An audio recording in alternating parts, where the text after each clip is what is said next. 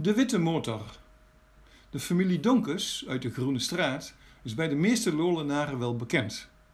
De pasgetrouwde dochter, Mineke, woonde met haar man Tinus Ankersmit bij de familie in. Zo gezegd onder één dak. Het was, het was dan ook niet verwonderlijk dat een deel van de door hen voortgebrachte kroost in Huizen Donkes het eerste levenslicht zag.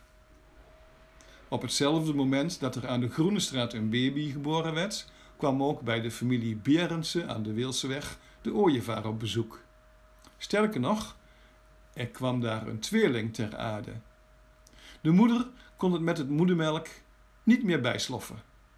Met Mineke werd afgesproken dat zij een deel van haar ruimschoots voorradige melkhoeveelheid af zou staan aan de dorstige tweeling.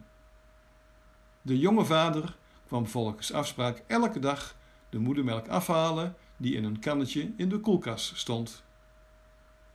Op een dag kwam de prille vader langs voor het kannetje. Het was weer melktijd.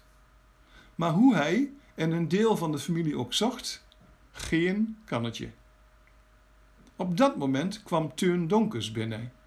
Hij zag dat er iets aan de hand was en vroeg: Wat zoeken jullie toch? Het verhaal kwam op tafel. Het glazen kannetje van de familie Berendsen, dat altijd op dezelfde plek stond, was vandaag spoorloos. Oh, zei Teun, dat heb ik opgezopen. Ik had dus eens een piet. En ik dacht al bij mijn eigen, wat een zuurte rotzooi.